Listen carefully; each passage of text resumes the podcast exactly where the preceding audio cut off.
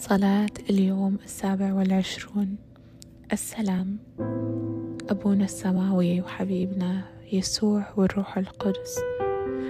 أولادك وبناتك يعيشوا في أماكن وبلدان كثيرة يعدمها السلام يا رب. والعدو الشرير يقتل ويسلب ويعتدي. يا رب في هذه الظروف الصعبة أطلب منك إن تملأ المؤمنين بقوة من عندك. تخليهم يثبتوا في إيمانهم. يا رب املأهم بسلامك إلا ما في مثل سلام.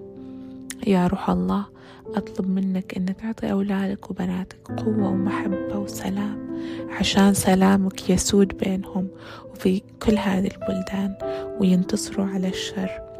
يا رب في كتابك المقدس علمتنا عن المحبة والسلام.